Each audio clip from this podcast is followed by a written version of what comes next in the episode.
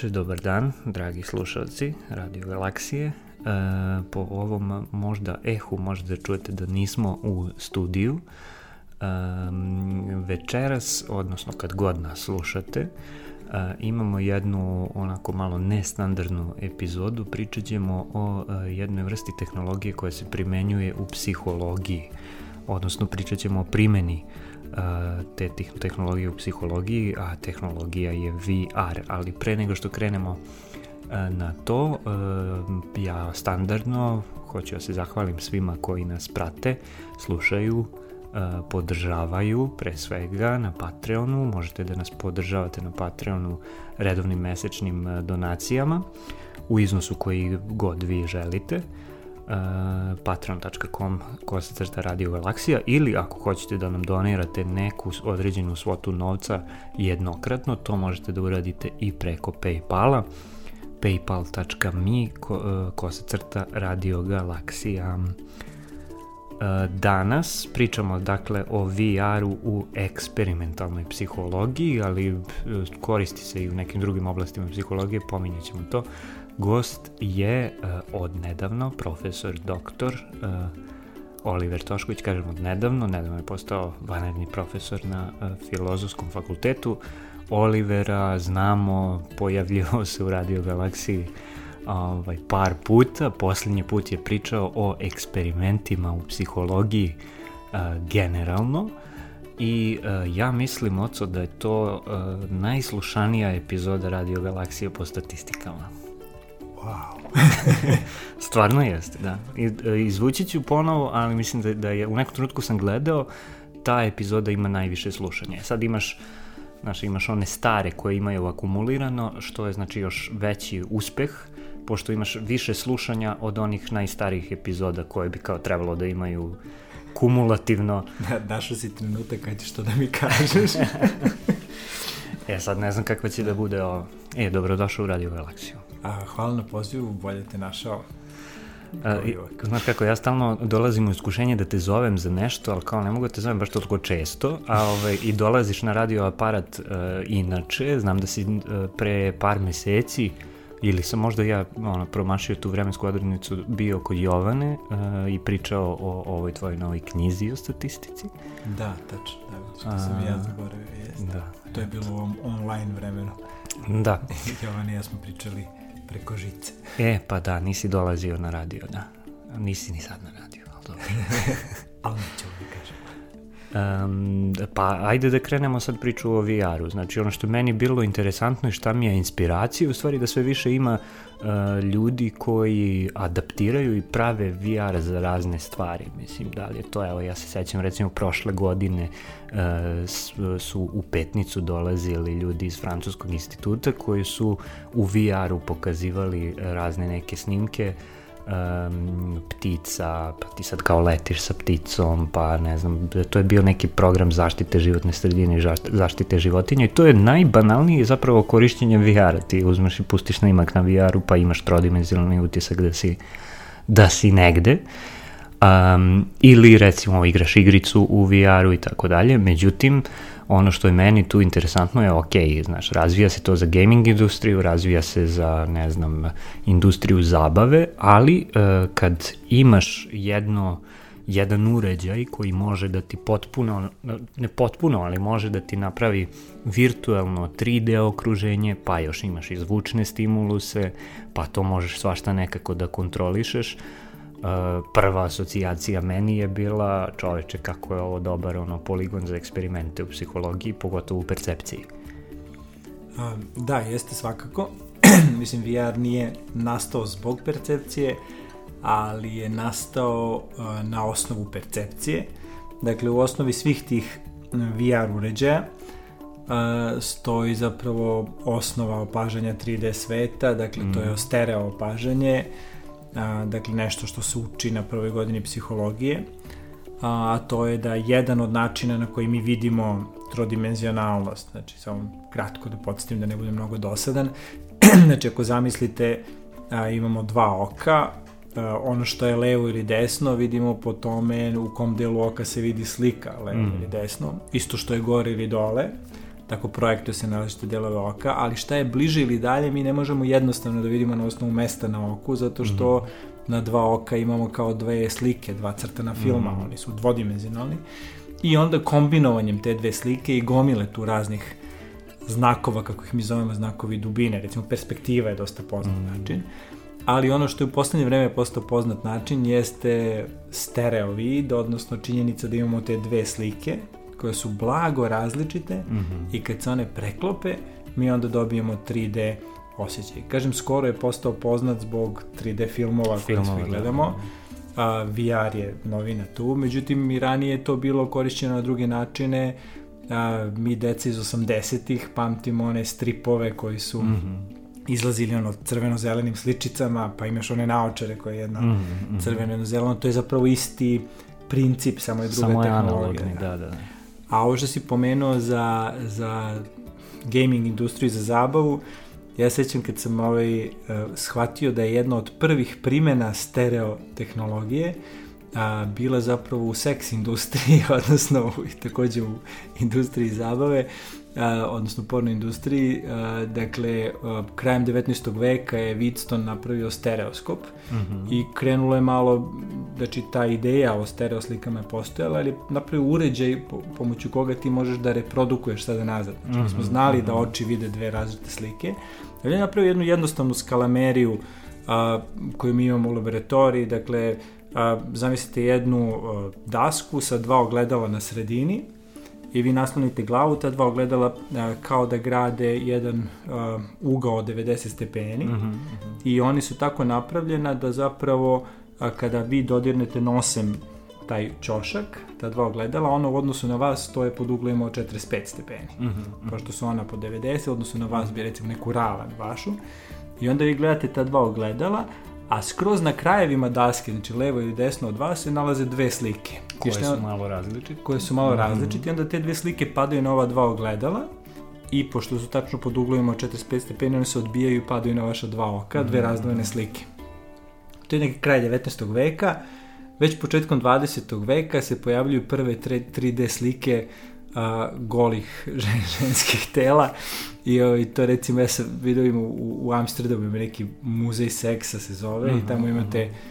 prvu primenu stereo slika u, u, u tome. Tako da evo i danas imamo, dakle, virtualna realnost je nastavak, neki način imamo sad gaming industriju mm -hmm. koja mhm. prati jedan isti naučni princip i koristi za istraživanje. Mm -hmm. um, Da ne pričamo sad detaljnije o opažanju dubine, ja ću u stvari da pomenem samo da smo o tome pričali u jednom nekom mom serijalu koji nije bio Radio Galaksija, ali može da se nađe na internetu, zvao se Spektar, pa smo ti ja pričali baš o opažanju dubine i sećam se da si pričao o svim tim znakovima dubine, o ne znam, vazdušnoj perspektivi, o i tako dalje. Um, koje su to, koji su to sve zapravo, uh, da kažem, stimulusi, ti me sad ispravim, koji postoje u e, trodimenzionalnom prostoru i koje mi možemo da prenesemo u virtualnu realnost i na koji način možemo da ih kontrolišemo, ajde tako pričam, da tako kažem. Da, uh, VR tehnologija, znači, to isto za početak, to, to i mene je zbunjivalo, recimo ranije, najčešće ljudima kad kažeš VR danas, a, mhm. ljudi misle na ono što se zove uh, head mounted, znači mm -hmm. ona, one naočare ili kaciga koja se stavi na mhm, glavu. Mm -hmm. A, dakle, VR zapravo ima tri neke opcije. A, jedna je starija od toga, pre nego što su počeli te naočare da se prave, jeste da, im, da imate ravan ekran ispred sebe uh -huh. uh, i da puštate stereograme, dakle to je kao od stereo slike, Znači to praktično najviše liči na ovo što gledamo u bioskopima. Mm -hmm, znači to je ist, da. 3D filmovi su zapravo neki bukvalno odraz te prve VR tehnologije. Zašto se zove VR? Pa zato što imate trodimenzionalni doživljaj neke slike koja nije stvarno trodimenzionalna mm -hmm. slično. Znači to je da kažem neki primitivni VR. On se danas redko koristi, ali se on puno koristio kada se pojavio. E, ima bilo je puno psiholoških eksperimenata jer je zgodno uh, da se nešto radi, ne treba vam zaista veliki prostor, možete simulirati veliki prostor. Recimo, mm -hmm. uh, ima jedan kolega iz Japana, Higashiyama, koga jako volim, on se nešto bavi isto percepcijom daljine i on onda valjda dobije neki lep projekat ili ima svoj čamčić, pa onda vodi ispitanike brodom da procenjuju daljinu japanskih ostrava. Mm. Sad tamo možeš po moru procenjaš. Ali, a, dakle, redko možemo da izvedemo tako da sad opažemo daljinu u kilometrima, a u VR-u, kakav god on bio, to možeš lako da simuliraš. A, e, dakle, to je prvi VR, drugi je ovaj head mounted, znači to je ovo naočare i kacige koje se stavljaju, koje zapravo rade sličnu stvar, samo da podsjetimo ljudi znači šta tu imate, na te naočare u stvari sadrže u sebi dva monitora. Dakle, mm -hmm. bukvalno imate dva monitora, jedan je na levom, drugi na drugom oku i šalju dve blago različite mm -hmm. slike. I postoji treći koji je redak, uh, to je takozvani cave system, mm -hmm. uh, ne veze sa Nick Cave-om, pa, kao pećine, fazon ja mislim. Uh, dakle, praktično uđeš u sobu koji su zidovi ekrani. Mm -hmm. I ti si praktično, onako imaš, mm -hmm. da, da kažem, realno si u nekom 3D-u, ali je taj 3D uh, prevazilazi 3D u kome ti si stvarno u jednoj sobici, sobičku nekom, mm -hmm. recimo metar i po sa metar i po, dva sa dva, kako god, ali su zidovi ekrani i to recimo liči na ono što smo gledali u uh, zvezdanim stazama nekad, kad oni uđu u neki deo broda i sad kaže ono, kompjuter u livada mm -hmm. i onda, mhm, ovaj, znači ti si zapravo u nekom prostoru, ali ali ti slike se na zidu da, projektuje livada i onda, onda imaš osjećaj da je zapravo ispred tebe Ali da danas je zapravo najzastupljeniji, tu je ono, puno se radi na tome, ovaj head mounted, a ovo što si me pitao, dakle, na bilo koja od ta tri načina, Uh, evo ja sam pomenuo jedan, dakle, Higashiyama vodi ljude da procenjuju ostrava mm. i sad ti ostrava ne možeš da pomeraš kako želiš, ono što svi znamo da je u eksperimentu bitno, bitna je kontrola.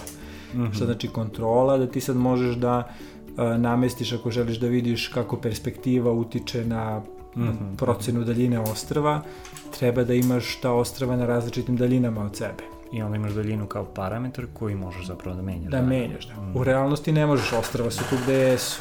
Onda ne možeš da recimo menjaš perspektivu, jedina perspektiva ti je mo, površina mora. Mm -hmm. U VR-u možeš, ali tako mm -hmm. možeš na površinu mora da isprojektuješ šta god želiš.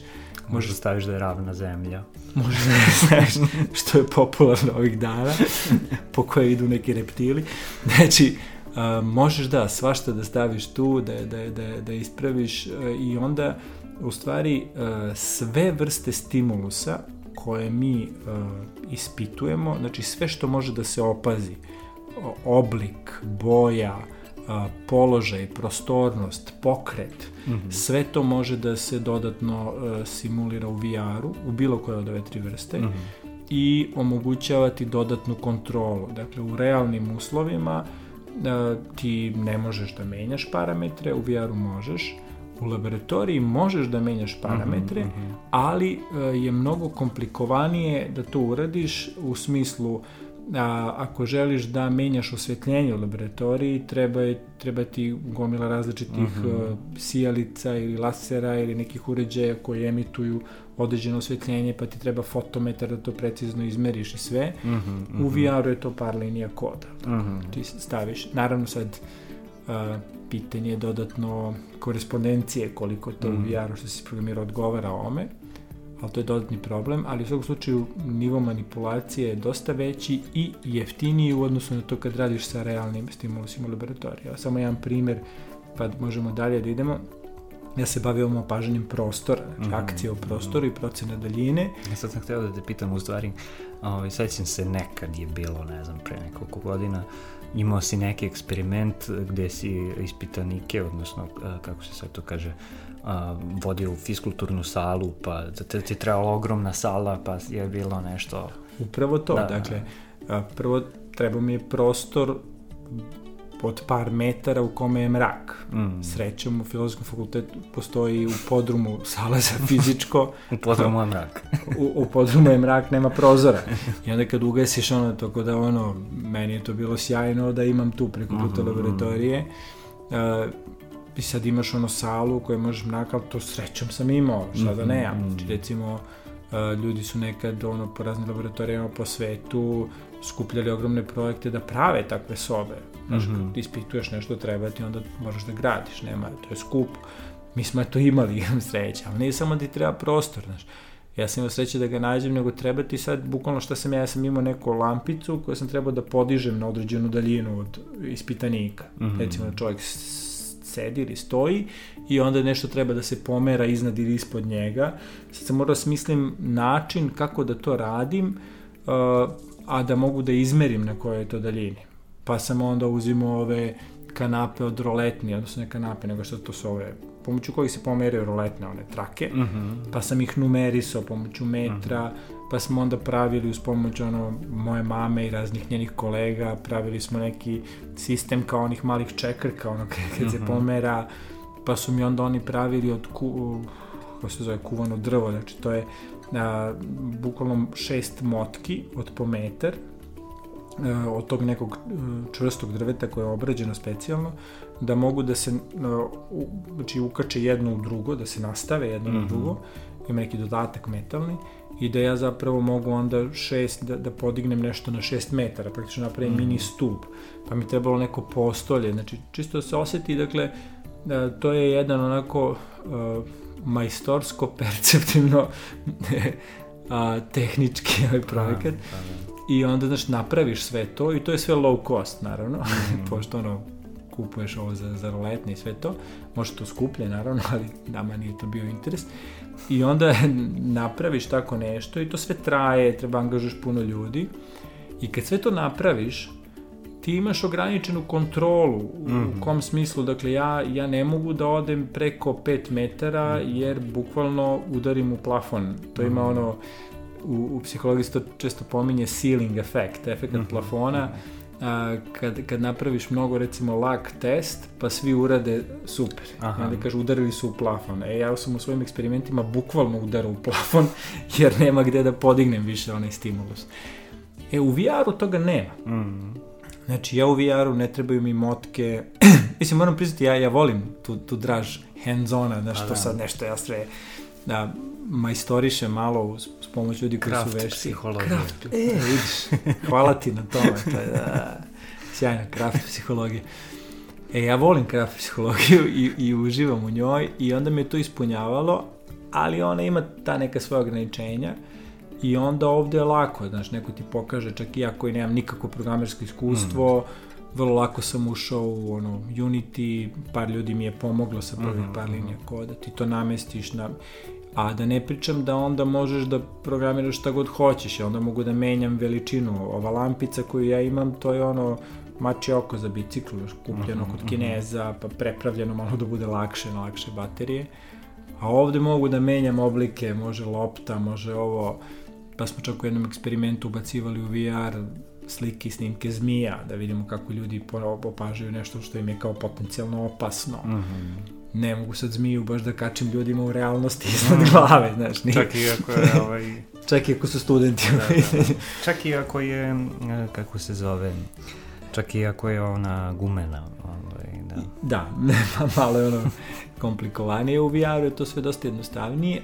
Plus jedna dodatna stvar, a, u realnosti ja recimo, čisto da objasnim, ta lampica visi negde na nekom kanapu i kako izgleda eksperiment, čovek mi kaže približio dalje dok ne bude zadovoljan daljinom, odnosno on mm -hmm. ujednačava daljinu dve lampice, pogleda recimo ovu iznad njega i onda mi govori za ovu ispred približio u dalje i kaže e sad su mi podjednako udaljene od mene. E, ali to približio dalje, nešto bukvalno ja sad kao ono, ne znam, kao tamo ono po primorju kad vuku veš, ono, znaš, ja vučem, ono, ono čeka, on kaže stani. Mm -hmm. Sad možda zamisliš koliko tu ima grešku pomere, dok on kaže stani, dok ga ja čujem, dok se ja zaustavim. Brzina reakcije tvoje, mislim. Moje, da. da. Onda, znaš, ja merim to u nekim centimetrima koliko sam numerisao onu mm -hmm. traku. Nije. A u VR-u, znaš, on sam pomera, pošto na, mm -hmm. kontroliše stimulus preko tastature, Znači on nosi naočara, prst drži na tastaturi pritisne ono i on ga pomera koliko god hoće napred nazad i kaže sad sam zadovoljan. Znači nema da prenosi preko mene pa da ga zavisi od moje mhm, reakcije. I mhm. kad on kaže zadovoljan sam, ja recimo lupim space na tastaturi i računar mi upiše u milimetar preciznu koordinatu mm -hmm, mm -hmm. objekta koji on pomera. Mm -hmm. Tako da je i preciznost merenja sa jedne strane veća. Mm -hmm. E sad, ajde da um, možda pomenemo da sad si ti pominjao kačiš lampicu, pa ovaj gleda, pa ti to pomeraš, pa on procenjuje e, šta je bila ideja tog eksperimenta. Mislim, mene i deluje i verovatno i znam zapravo, ali aj ti objasni, e, da je to vezano za onu mesečevu iluziju u stvari, da nam je mesec a, veći na horizontu, a, a manji a, kad gledamo a, iznad i da si ti pokušavao da to nekako u laboratoriji napraviš. Jeste, to, to je bila početna ideja zapravo, mm. pošto, da, to, to je poznata mesečeva iluzija, znači jedna od redkih iluzija koje se dešavaju u svakodnevnim uslovima. Mm. Uglavnom se iluzije u laboratoriji, jer na, naše oči nas, makoliko to nekad delovalo, ne lažu toliko često, zapravo lažu nas u laboratorijama jer ih mi prevarimo. Ali eto, mesečeva iluzija je jedan primjer kada i u realnosti nas mm -hmm, slažu, mm -hmm. zato što je mesec ono daleko i realno nije strašno ako pogreše oči oko meseca. I jedno od objašnjenja toga je bilo da mi vidimo mesec na horizontu kao veći, zato što ga opažamo kao dalje. Mm -hmm. ljudima može telo je zbunjujuće kako veće je dalje, obično kad nešto dalje to je manje. Pa da, ako se stvarno udalji, onda je manje. Mm -hmm. Ali ovde je u stvari upravo u tome caka da je on realno bliže, ali mm -hmm. mozak pogrešno procenjuje da je dalje mm -hmm. i onda, pošto je on realno bliže, da tako kažem slika, odnosno senka koju on baca na oko, je veća nego što bi mozak očekivao ako bi bio dalje, jer je mhm. realno bliže i onda ga mozak uveća. Kao da kažem, procenjujući da, da bi pravio tolku sliku na oku, a da je ovoliko daleko morao bi da bude veći. To je neka osnovna ideja. Baš zbog ovih perspektiva i sličnih zbog stvari. Zbog što na horizontu imaš i druge objekte pa možeš da ga... Pa to. Da. Mm -hmm. Oni ti grade ove znakove mm -hmm. dubine poput perspektive i slično. E, ovaj, I to je bilo neka osnovna ideja. Meni je to bilo malo sumnjivo. Zašto? Zato što kad pitaš ljude, to postoji isto podacije, i realno kad pitaš ljude, pa dobro, koji je, koji je bliži, svi kažu pa ovaj na horizontu je bliži, mm -hmm. što je suprotno ovaj ideji autora ove mm -hmm. hipoteze. Oni su to pokušali da objasne malo komplikovano kao sekundarnim nekim procesima, da ne ulazimo u to. Ali meni to bilo sumnjivo i e, zašto mi je bilo sumnjivo? Zato što oni ovde grešku u opažanju veličine mm -hmm. objašnjavaju preko greške u opažanju daljine, mm -hmm. pretpostavljajući da su veličina i daljina linearno direktno povezani. Mm -hmm. a, znači ono, veća daljina, manja veličina. A, I to jeste tako geometrijski mm -hmm. u mhm. fizičkom svetu. Tangens pitanje, ugla, da. Tangens ugla, čuvanje, da. Ali pitanje je da li je to tako perceptivno mm -hmm. i ja sam onda hteo da radim ove eksperimente čisto ispitujući daljinu. Znači ja sam se onda otkačio od mesečeve iluzije, prvo mi je bila ideja da se vežem za nju, ali onda sam shvatio da dobijem efekt drugačiji i šta mm -hmm. sam je mhm. zapravo dobio? Znači ja sam tako ljudima stavljao u laboratoriji, u mraku. Zašto u mraku? Pa nemaš tu ove druge objekte kad je mrak, mm -hmm. onda ih mhm. nema ni na horizontu ni na zenitu mrake. Ta lampica visi ispred čoveka, iznad čoveka i čovek je izjednačava. I lampica nema, zapravo, pošto je udaljena, ti ne možeš nju da opaziš kao dvodimenzionalni odnosno trodimenzionalni objekat, nego ti vidiš tačkicu jednu. Jeste, da, vrlo je onako... Što... Nema veličine, hoću da kažem, Ne, u, da, aha. to se vidi, to je, dakle, zato smo uzeli tu za biciklu, zato što ona, ono, kaže se dim light, dakle, mm -hmm, blago mm -hmm. svetlo, koje signalizira da je nešto tu, ali nema jasne dimenzije i ne osvetljava okolni prostor mnogo. Znači, čisto je kao signal da je tu. I onda ljudi šta ja mu recimo stavim ovu ispred njega na 3 metra, a onda on gleda nju i gleda ovu gore pa mi to govori bliže dalje, mm -hmm. Dok mu ne deluje da su slično udaljene. Mm -hmm. I onda praktično on perceptivno izjednačava daljinu, mm -hmm. a onda ja izmerim fizičku daljinu koja je njemu perceptivno mm -hmm. delovala isto.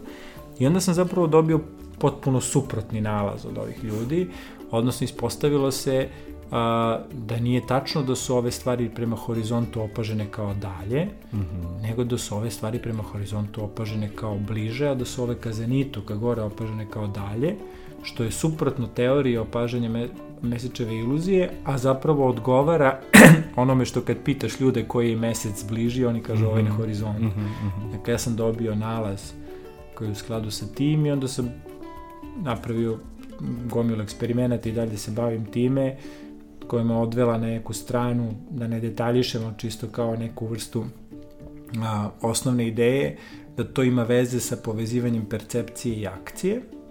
Mm -hmm. Na koji način?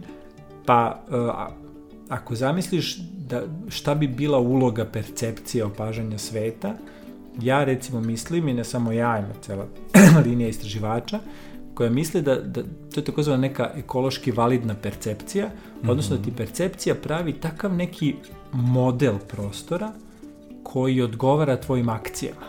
Mm -hmm. to se zove, to je ekološka validnost. Pa, eko, imaš ekološku validnost u metodološkom smislu, mm -hmm. dakle da praviš istraživanja koja a, će u svakodnevnom životu odgo, više biti kako više odgovarati svakodnevnim uslovima svakodnevnog života. Mm -hmm. To mhm. ekološka validnost je kao se stavlja kao zamerka laboratorijskim istraživanjima. Mm -hmm. A ovde je ekološka validnost, što sam ja rekao, to je u stvari a, i, i, Gibson, to je jedan veliki percepcionista koji je zapravo neki način rodonačelnik te ideje a, da, da, da, da naše funkcije psihološke se razvijaju tako da nam a, poboljšavaju a, performanse u okruženju u kome se krećemo.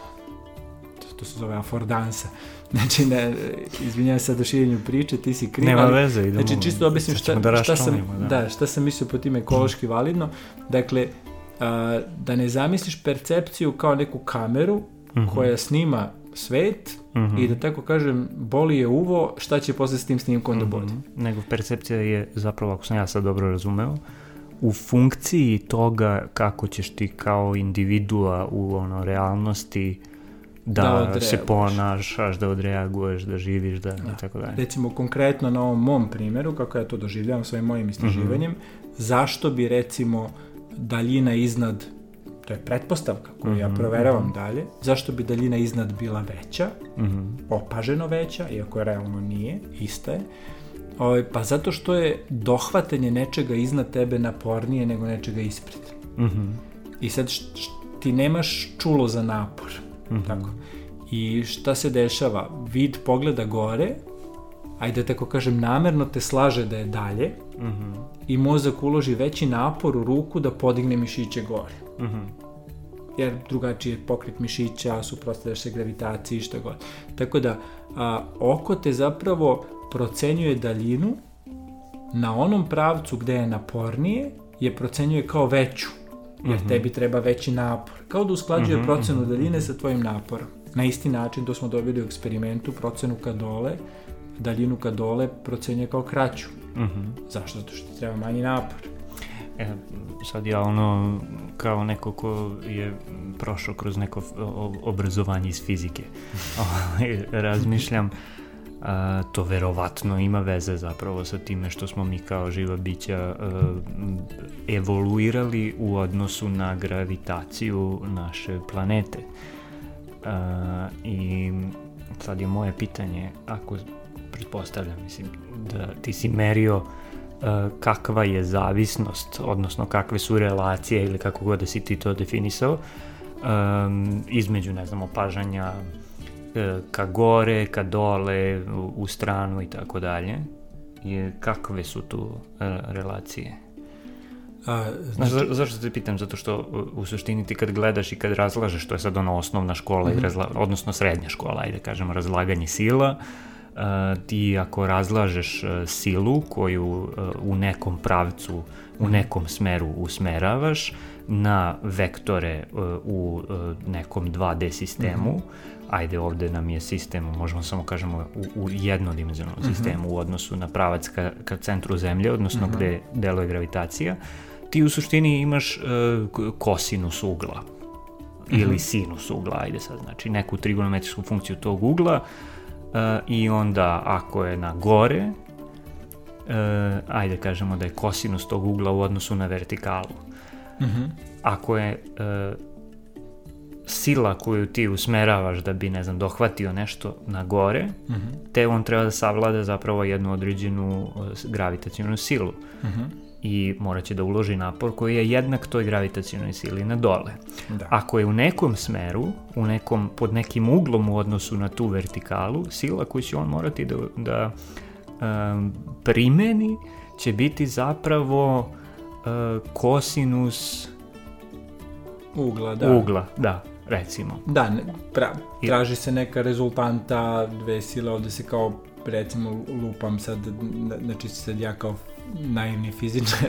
Ma dobro, ovo je Dakle, geometrijska, da, više ono da, prosta, da. Da, up- to je bila moja početna ideja zapravo, jer ti kad ideš pokret na gore, dakle ti vučeš suprotno gravitaciji, znači Mhm, bukvalno su mhm. vektori u suprotnim smerovima. Mhm, mhm. Kad ideš napred, onda si na neki način normalan na dejstvu. Po 90 si, po stepeni, 90 da. stepeni, pa neka rezultante na dole, što god. Jeste, da. I o, to je bila moja početna ideja, međutim ja nisam siguran više koliko to ima veze nužno sa gravitacijom, Mhm. koliko ima veze sa a, time što se pri pokretima u različitim smerovima angažuju različite grupe mišića.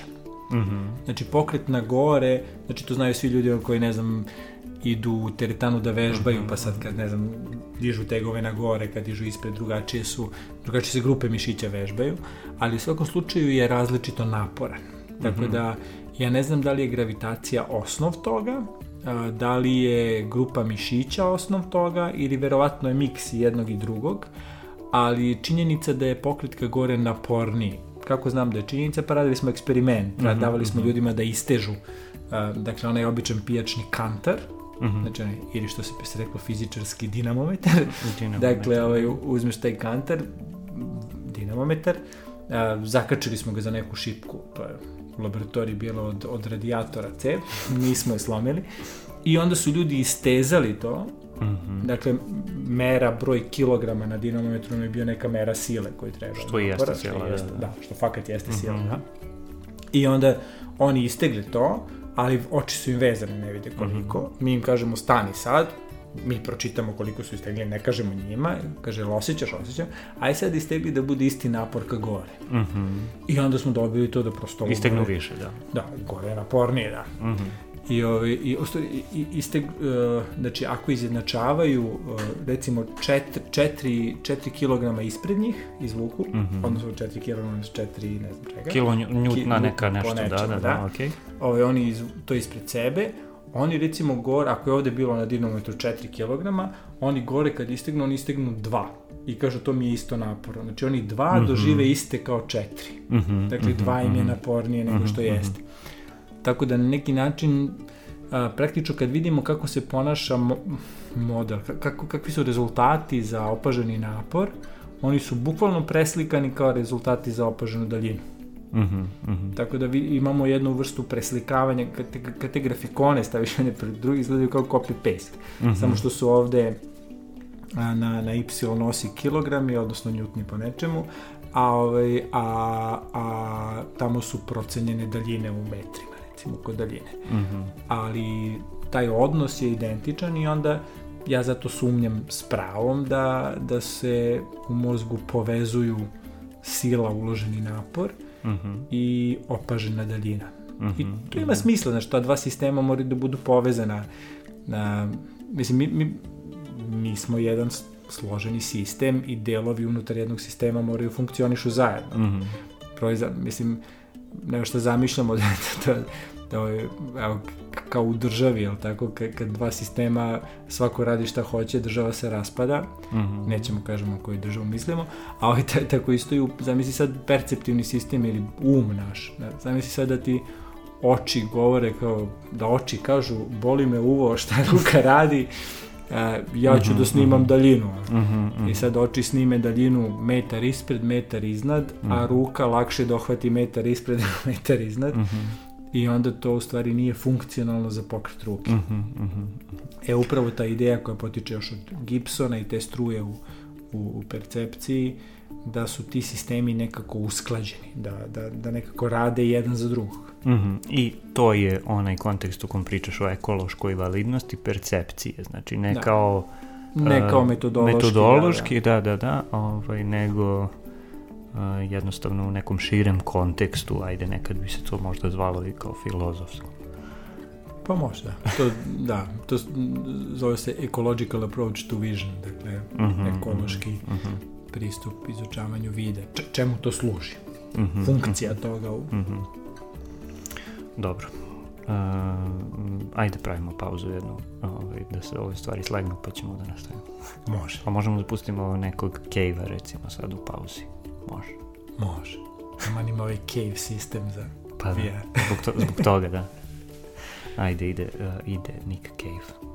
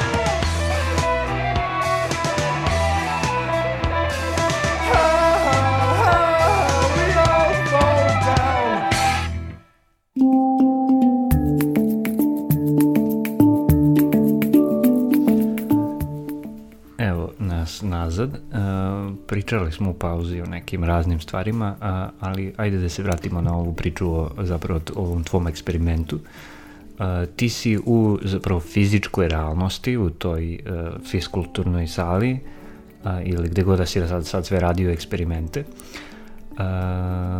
se namučio manje ili više da odradiš jednu, drugu, treću stvar i tako dalje. I sad e, za slične ili iste stvari ti možeš da koristiš i VR, ono što smo pričali na početku. Znači ti možeš da napraviš istu, ono, da isprogramiraš da ti se lampica udaljava, e, da e, ispitanici kontrolišu udaljenost i da onda oni kažu, e, ok, ovde mi je ista udaljenost i zabeležiš, izmeriš koliko je to realno i, ovaj, i onda meriš efekat. A, I to sad zvuči sve jednostavno, ali kapiram da i VR ima svoje nezgode, da, kao što i fizička realnost ima svoje nezgode i obrnuto, znači kapiram da postoje neke stvari e, gde ti u, VR-u zapravo mnogo teže da napraviš eksperiment nego u fizičkoj realnosti. Pa ajde da probamo da ona možda, možda baš na primjeru tom o, o, o tvojem eksperimentisanjima pričamo. Da, je- ina, inače imam relativno osjećaj, ovo je bila kao, kao jedna uh, sjajna ono jam session, znači počeli smo da pričamo i onda smo tako nekako uplovili u neke druge vode i sad smo se vratili na osnovnu temu, tako da je ovaj, e, sjajno bilo. A da, ovo priča sa VR-om i sa, da kažem, realnim fizičkim stimulusima, a, je, me, mene ponekad podsjeća na, na, na onu priču, ne znam, početkom 20. veka se čekao spas ekologije i spas ekologije, e, nećeš verovati, je bio auto, odnosno, mm -hmm. pošto su veliki gradovi poput Njujorka bili zagušeni uh, smradom konjskog izmeta. Zamisliš jedan ogroman grad u kojem se svi prevoze konjima, je tako? koji naravno izbacuju gomile izmeta, koji se onda negde taloži mm -hmm. i kažu da ljudi u suterenima su imali horor od života kad padne kiša. Mm. E sad, auto je tad došao kao spas za ekologiju, jel tako? I danas se gušimo u dimu. Tako i ovde imaš ono, VR tehnologija je kao eto spas za manipulaciju a, stimulusa, uh -huh. ali sa druge strane mi se tu udaljavamo sad još korak dalje od realnog uh, sveta u više momenata. Koji pokušavamo da objasnimo zapravo virtualno. Da. Dakle, sve ono što spomenuli je ekološku validnost. Dakle, ja naravno, eksperiment je vrhunski naučni metod i sve što bih volao da ispitujem, volao bi u eksperimentu sve što mm. može. Ali jedna od zamerki koja se stavlja eksperimentu jeste um, u kojoj meri to liči na uh, svakodnevno realno ponašanje i sad mi naravno u eksperimentu ga rašlonimo na delove, pa onda realno ponašanje ima puno faktora, pa ih spajamo nekako nasad. Sad to spajanje često, je tako, kad uključiš više faktora, ne bude mm. da ne liči baš na osnovnu. A u VR-u sad gubimo korak dalje. Mi, mi, mm -hmm. mi ne da, da simuliramo u laboratoriji realne uslove, nego mi sad simuliramo nerealne uslove, odnosno mm. virtualne uslove. I sad je tu pitanje, naravno mi tu dobijamo jako zanimljive podatke, dakle šta se desi, kako radi naš um u nekim stvarima u kojima, za koje nije pravljen definitivno, mm -hmm. naš um nije pravljen za VR, ali recimo jedna stvar koju sam ja dobio kad sam ove sve eksperimente prebacio u VR, dobio sam da efekti isti postoje, mm -hmm. dakle ono, ka zenitu, ka gore su daljine opažene kao veće, ka horizontu nešto manje, ka tlu još manje i to je standardan nalaz i to se dobija, ali su efekti nešto manji odnosno razlika mm -hmm. zenita i horizonta je u fizičkoj realnosti veća nego u, nego u VR-u. Mm -hmm. I sad je to frka, tako zašto? Da, mm -hmm. I pojavilo se već gomila radova još pre par godina koji pokazuju da simulirana dubina, simulirana dub, daljina u VR-u zapravo je e, sužena. Znači, kad ti VR mm -hmm. kaže da nešto na 3 metra, to zapravo je ma, um, bliže nego na 3 metra. Jer mm -hmm. VR koristi uh, možda i dva, tri znaka dubine, znači jedan je taj stereo, dakle to je uh, to preklapanje slika, drugi je veličina objekta, mm -hmm. što je objekat bliži, delo je veće, i to je manje više to. Mm -hmm. Znači, on čak neke od znakova koji dobro deluju na blizini, to su recimo konvergencija oči, to je ono kad spajaš oči, mm -hmm. uh, u VR-u to nema. Zašto? Zato što ti gledaš dva monitora i tebi su oči uvek uprte pravo, fiksirane aha. pravo. Tako da zapravo VR ne samo da ima siromašniju količinu znakova dubine, o, pominju se emisiju koju smo pričali, njih ima desetak, uh mhm. -huh. VR koristi dva znaka. Mm -hmm. Znači siromašnije. Osvetljenje? Je osvetljenje isto? E, osvetljenje može da se doda, mm -hmm. onda, znači ako ti manipulišeš sad osvetljenjem, onda možeš da obogatiš pa imaš treći znak, ali recimo konvergenciju skoro nikad nemaš, mm -hmm. tako da ti možeš da ubaciš u VR i neko maskiranje, to je kada jedan objekat ispred prekriva drugi, pa sad poboljšaš, mm -hmm. pa imaš taj četvrti znak, ali u svakom slučaju to bogatstvo koje se dešava u realnom svetu, uh, koje uključuje ne, neki od tih znakova su jako slabi, recimo akomodacija očnog sočiva, ali postoji, naročito mhm. za bliske ove daljine, -huh, što, što su ti bliže glavi, toga u VR-u nema. I onda on je siromašniji za neke znakove, kod nekih je čak kontradiktoran, znači ovo što kažem, to konvergencija, zbližavanja očiju kod njega ne postoji, znači imaš jako blizu objekat, a ti ga očima gledaš kao da je na 100 metara. Mhm. -huh. o, I tako da on tu praktično podbacuje i u vezi sa tim jedna stvar koja baš mene zanima, to je recimo ova veza percepcije i akcije, odnosno e, mi govorimo ovde o vizualnom opažanju, opažanju očima. Opažanje se dešava ne samo očima, nego mm -hmm. imamo desetak čula mm -hmm. u, u sebi, nemamo pet kao što većina ljudi misli. Mm -hmm. I, ovaj, recimo ti imaš osjećaj za pokrete, kinesteziju, za položaj ruku, nogu, dakle... Evo sad, izvini, uh, Uh, mi sad sedimo ispred mikrofona, jedan preko puta drugog, ja uh, imam slušalice i slušam zapravo monitoring uh, zvuka A, a pošto mikrofon pojačava zvuk, uh, ja imam utisak da kad god ti pričaš da si ti meni bliže nego što jesi.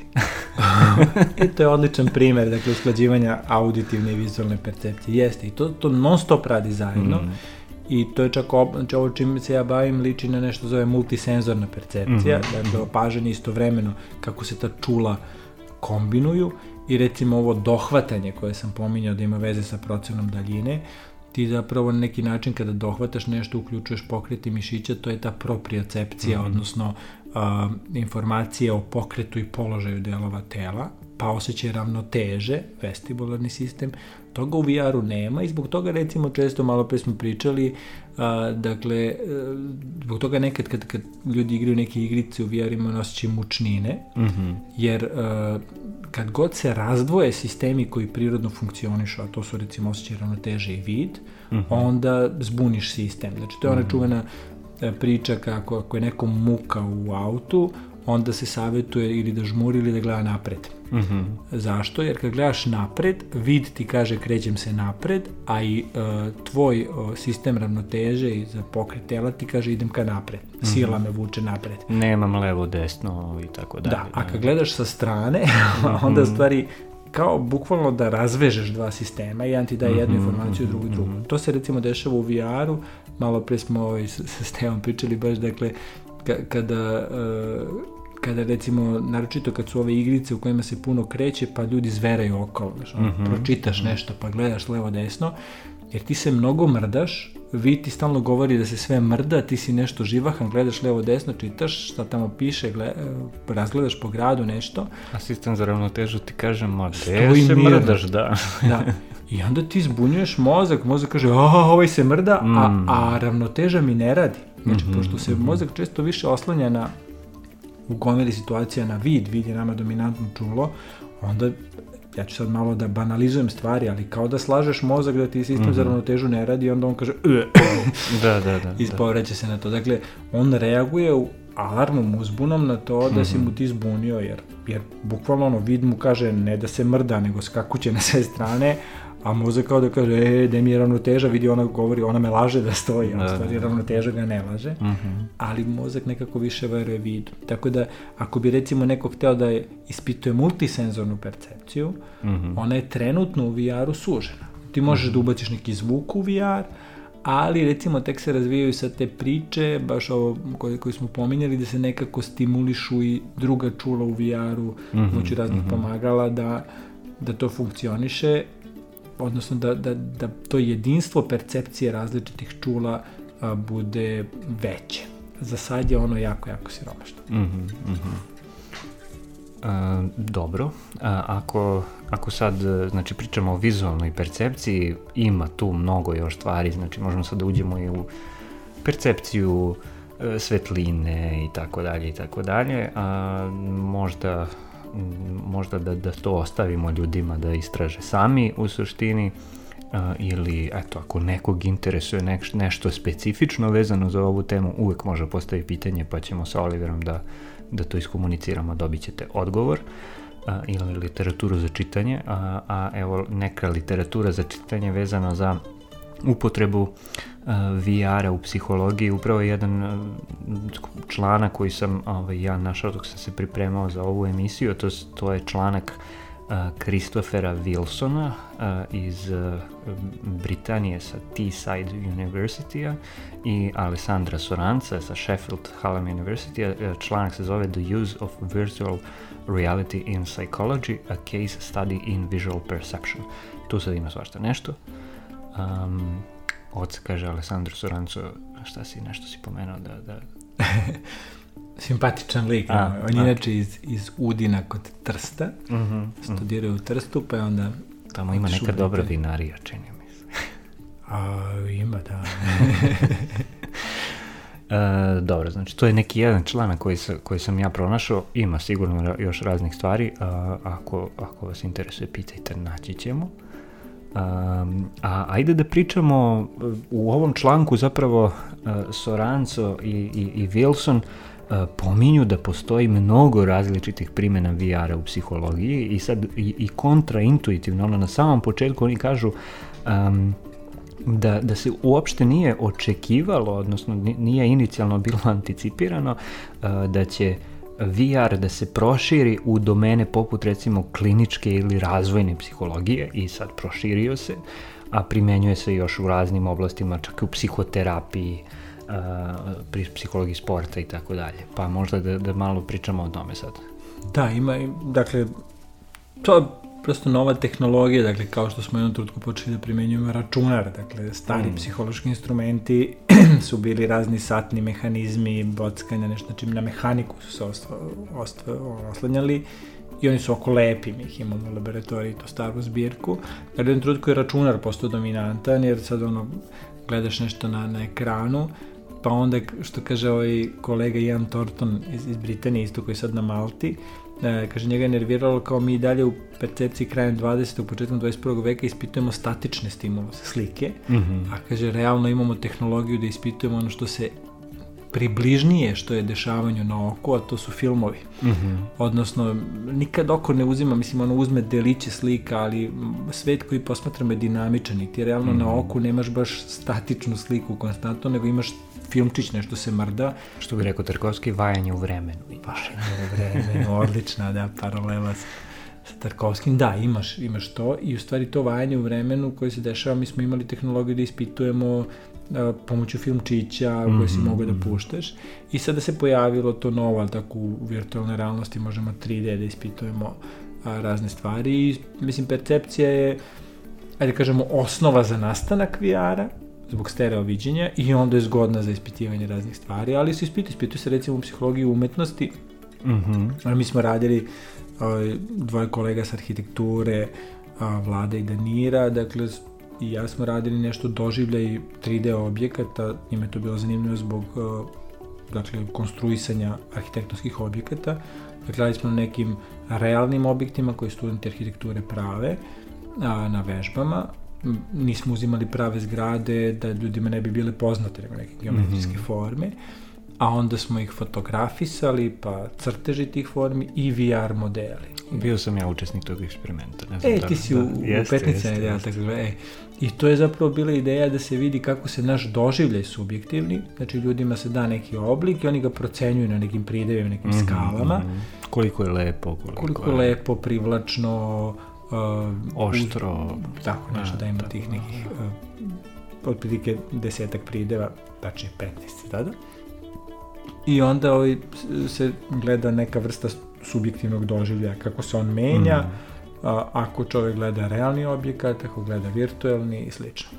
A, onda recimo kolega Dragan je ono ispitivo doživljaj umetničkih slika, mm -hmm. tako što mi obično slike prikazujemo na platnu pomoću projektora ili na ekranu, a redko kad imamo pare se da vodimo ljude u galerije, one su i daleko mm -hmm. i slično. Mhm. A onda je on ispitivao kako se, imao jednu malu izložbu u Beogradu koja je bila zanimljiva neka, pop arta čini mi se, i onda su ljudi išli tamo i onda je on u toj galeriji maloj, te ljude koji su bili posetioci galerije, onda im je davao da uđu u VR, u galeriju koja je mm -hmm. virtualna potpuno, mm -hmm. sa tim mhm. istim slikama. Mm -hmm.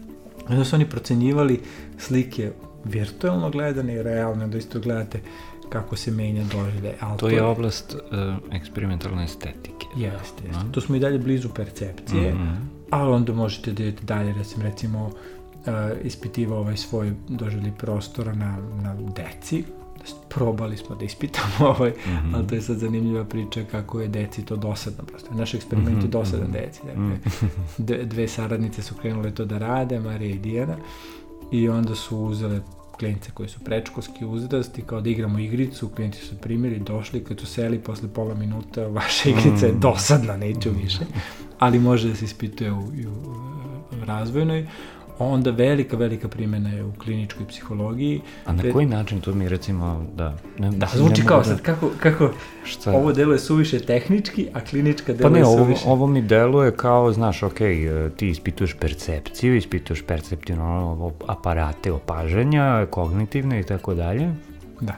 I sad tu imaš ono jasne stvari, vid, sluh, bla, bla. Da, da a, a ti onda se prebaciš u kliničku psihologiju gde barataš potpuno drugim nekim stvarima, znači Pa našli primjenu na tim, da kažem, najkonkretnijim modelima kliničke i psihoterapije. Recimo, postoji nešto što je behavior terapija, mm -hmm. odnosno ona je jako uspešna u lečenju fobija. I ona izgleda tako da ti sad, ne znam, uh, ako imaš jedna od tehnika, zove se sistematska desenzitizacija, da izvijaš na izrazu, mm -hmm. znači recimo mm -hmm. čovjek ima strah od pauka, uh, dakle on dobija jako ono, mm -hmm. napad straha, anksioznosti kad vidi pauka e, i šta onda se dešava, onda mu recimo pokažu fotografiju pauka, mm -hmm. pa onda pokušavaju da ga neki način opuste, smire i kad on postane onako konforan da se osjeća lepo sa fotografijom pauka, onda uvode novi stimulus, a to je film na kome se mhm. pauk kreće. Znači, vidi TV ispred sebe, ali to sad novi strah. Pa... I teko deo to deo dok ga ne dovedu do živog pravog pauka. E, VR može to lepo da simulira tako što staviš čovjek u reciku i pauk je tu.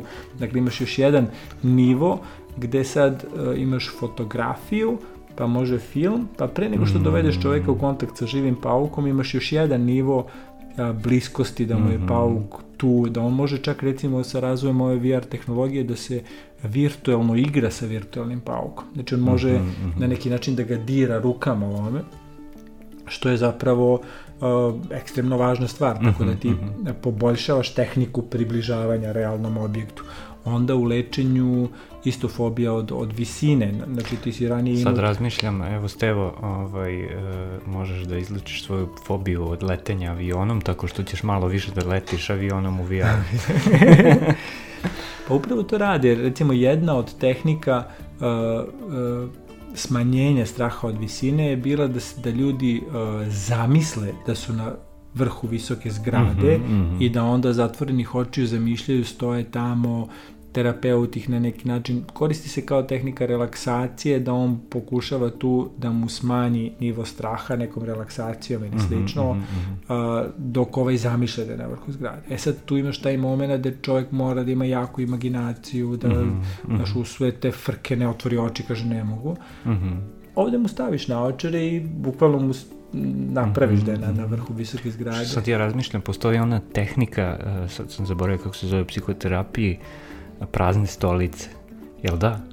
Ovaj, recimo da je to u nekom geštaltu ili tako nešto, da ti sad staviš praznu stolicu naspram sebe i da onda zamisliš osobu sa kojom imaš neki konflikt, pa hoćeš da različiš konflikt sa tom osobom i onda zamisliš tu osobu i onda da. uh, joj kažeš praznoj stolici u stvari šta ti u VR-u možeš zapravo da imaš Upravo tu osobu. To. Znači zapravo sve tehnike imaginacije, zamišljenja su mm. u stvari na neki način olakšane u VR-u, jer nema šta, ti dakle pomoću uh, im zamišljenja nečega tretiraš nešto treće, mm -hmm, pa mm -hmm. onda imaš dve stvari, zavisi koliko jasno čovek zamišlja, vežbaš mu ova, u stvari ti je fokus na mhm, oslobađanju mm -hmm, nekog mhm. straha i to. A ovde bukvalno preskačeš taj korak zamišljanja, nego mu realno napraviš mm -hmm, tu, mm -hmm. tu scenu. Mislim da ima neki rad, mislim da ga čak i Soranco pominje ovde, a, gde su lečili e, PTSD, dakle posttraumatski stres sindrom, jest tako što su kreirali ratno okruženje. Ratno okruženje, da. da. Znači u VR-u sad ljudi koji su preživjeli to, ti na neki način kreiraš i dovodiš ih Ima i onaj, ja sad opet zaboravljam te termine, znači kad neko recimo uh, nema jednu ruku, pa on fantomski bol, mislim Fan, da tako fantomski zove. Da, da, da. da, da, da. Kad ti imaš utisak da te boli ruka koju nemaš zapravo. Jeste, jeste pa su to rešavali sa ogledalima. Yes. E sad to možeš u VR-u, da. Verovatno, da ne znam da je neko to probao trenutno, mm. ali, ali zvuči da je moguće. Da. Mm -hmm, znači, jer mhm. se praktično oslanja na istu, na istu stvar. Dakle, to je Ramachandranova ideja da mm -hmm, mm -hmm. to što ti pominješ čovjek nema jednu ruku, ali onda stavi ogledalo pa a, gleda desnu ruku, a ugledalo je vidi kao levu. Mm -hmm, I na taj mhm. način se oslobađa od a, ta, znači fantomski bol i fantomski ud je dakle pojava da kod ljudi koji ostanu bez ruke da doživljavaju bol u ruci koje više nema mm -hmm. zapravo bol centralnog porekla to je kao da kažem neki ostatak oseta bola koji negde u centru u mozgu mm -hmm. nastavio da kruži i onda kako ga izvaditi iz tog centra mm -hmm. tako on tamo egzistira i onda je to bila ideja dakle ti gledaš imaš ogledalo s jedne strane glave i pomeraš svoju recimo desnu ruku, u gledalu se vidi ta leva koja recimo nema. Odnosno vidi se iluzija leve ruke, odnosno iluzija slika leve, da, leva. Slika desne da, koja se doživljava mm. kao leva. i onda pomeraš desnu ruku i gledaš ogledalo i onda se recimo, ne znam, jedna od stvari je da, da ljudi stegnu jako desnu ruku, da malo ne zariju nokte, mm -hmm, da ih zaboli malo i onda kako opuštaju, popušta bol, a pošto se istovremeno vidi da se opuštaju kao obe mhm, ruke, mm -hmm. onda to mozgu na neki način signalizira da popusti bol Popušta u obe ruke. Bol, to bi recimo moglo da se verovatno napravi u VR. Kažem, ne znam da je neko probao, ali bi mogle sve te stvari. Mm -hmm. Znači sve te tehnike koje imaju jasnu osnovu, koje se služe imaginacijom, znači zamišljanjem raznih predela, to je u VR-u daleko, daleko lakše i stvarno nalazi primjenu. To je. Mm -hmm, mm -hmm. Da, eto sad kad, kad pomeneš da ta, tako te stvari potpuno logično zvuči da i u kliničkoj i svuda ima raznih u, u treningu može puno da se koristi VR, on se već koristio na neki način ovim svim simulatorima mm -hmm. vožnje, letenja, mm -hmm, mm -hmm. to su sve stvari koje bi, naravno, ne sam vizualni, može vizualni doživlja, ali pored vizualnog može da se dodaju ovo što smo pričali, ti razni vestibularni.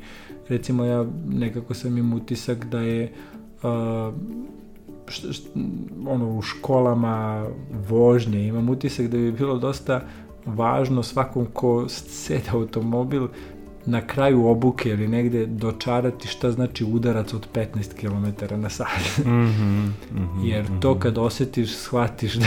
Da, da moraš da stvarno paziš, paziš kako da. voziš. Da. E sad, znaš, da ne bi slupo auto, stane tako nešto. Ili se povredio na neki način. Se povredio, da. da. To može, recimo, VR da dočara uz neki dodatak tog udara fizičkog koji on mm -hmm, mali može da bude. Mm -hmm. Ima tih simulatora puno, ali se oni ne koriste jer su skupi. Pa VR to može malo da nadomesti, da ti, da ti pomogne. A ono, trenizi za, šta znam, pilote se, mislim, već rade delimično tome. Ima, ima lepih Astronaute, da. Astronaute, da. da. Dobro, u suštini ima mnogo nekih stvari ko, kojima možemo da krenemo, ali možda bolje da ne produbljujemo priču, ovaj, pošto treba da završavamo. A, tako da, ne znam, ajde, za kraj, ili imaš još nešto da nam kažeš? Pa, e, kad smo pričali pre, pre početka emisije, podsjetio si me na neku dilemu koju sam imao kad sam počeo da pišem radove iz ovoga, a to je, ako je ova virtualna realnost, kako se zove ovo ovde, van vjera, pa onda pomisliš kao, pa ovo je ono prava, pa kao što, realna realnost, ili tako, pa što ovo stvari nije. I onda sad u stvari tu imaš jednu novu terminološku neku igricu, pa sad ovo počinjemo da zovemo fizička realnost, Aha. Oj, ovaj, a ovo je kao neka Pa imaš i onaj izraz uh, augmented reality, augmented, odnosno ja. kako bi to prevelo? Cijel onaj film, uh, tipa o Pirate Bay i suđenju ovim osnivačima Pirate Bay i sudija non stop koristi termin IRL kao in real life a oni koriste AFK kao away from keyboard. kao oni žive u svetu, ono, razumeš, na internetu, jer su neki zaluđenici, ono, totalni za mreže, internet, to sve. I onda ovaj non stop ispravlja sudiju, kao, ne, ne, AFK. Da, da, da, da. Ova osoba koja je uletela u emisiju je Steva, Steva Golubović, moj dobar drugar koji pomaže tako ponekad oko ovih stvari. A, sa korisnom ovaj Znači, nije, nije u stvari, da, taj termin virtualne realnosti nije baš srećen, ali eto, odomaćio se. Da, odomaćio mm. se kao, kao razne druge stvari koje se odomaće, ne, nismo srećni njima, ali onda one poprime neko drugo značenje mm -hmm, i sad u mhm, stvari mm. Koristimo to i sad znamo šta podrazumemo pod virtualnom stvarnošću, a onda sad pojavila potreba, bukvalno kad pišeš rad, da definišeš ovu pravu stvarnost nekako, Aha. da je bar opišeš nekim, a ona je prosto stvarnost. I sad imaš ono, e, imaš potrebu da ono što si do sada zvao stvarnost ili nisi nikako zvao, da ga nekako nazoveš, a da, da mu napraviš neku distinkciju u odnosu na ovo novo što si počeo da zoveš virtualna realnost. Meni je to bilo čisto igra, sad smišljao sam to, pa sad svi su počeli koristiti to fizička realnost da, iako sad ako hoćemo baš da cipidlačimo i ovo mm. virtualno je fizički na neki mm. način.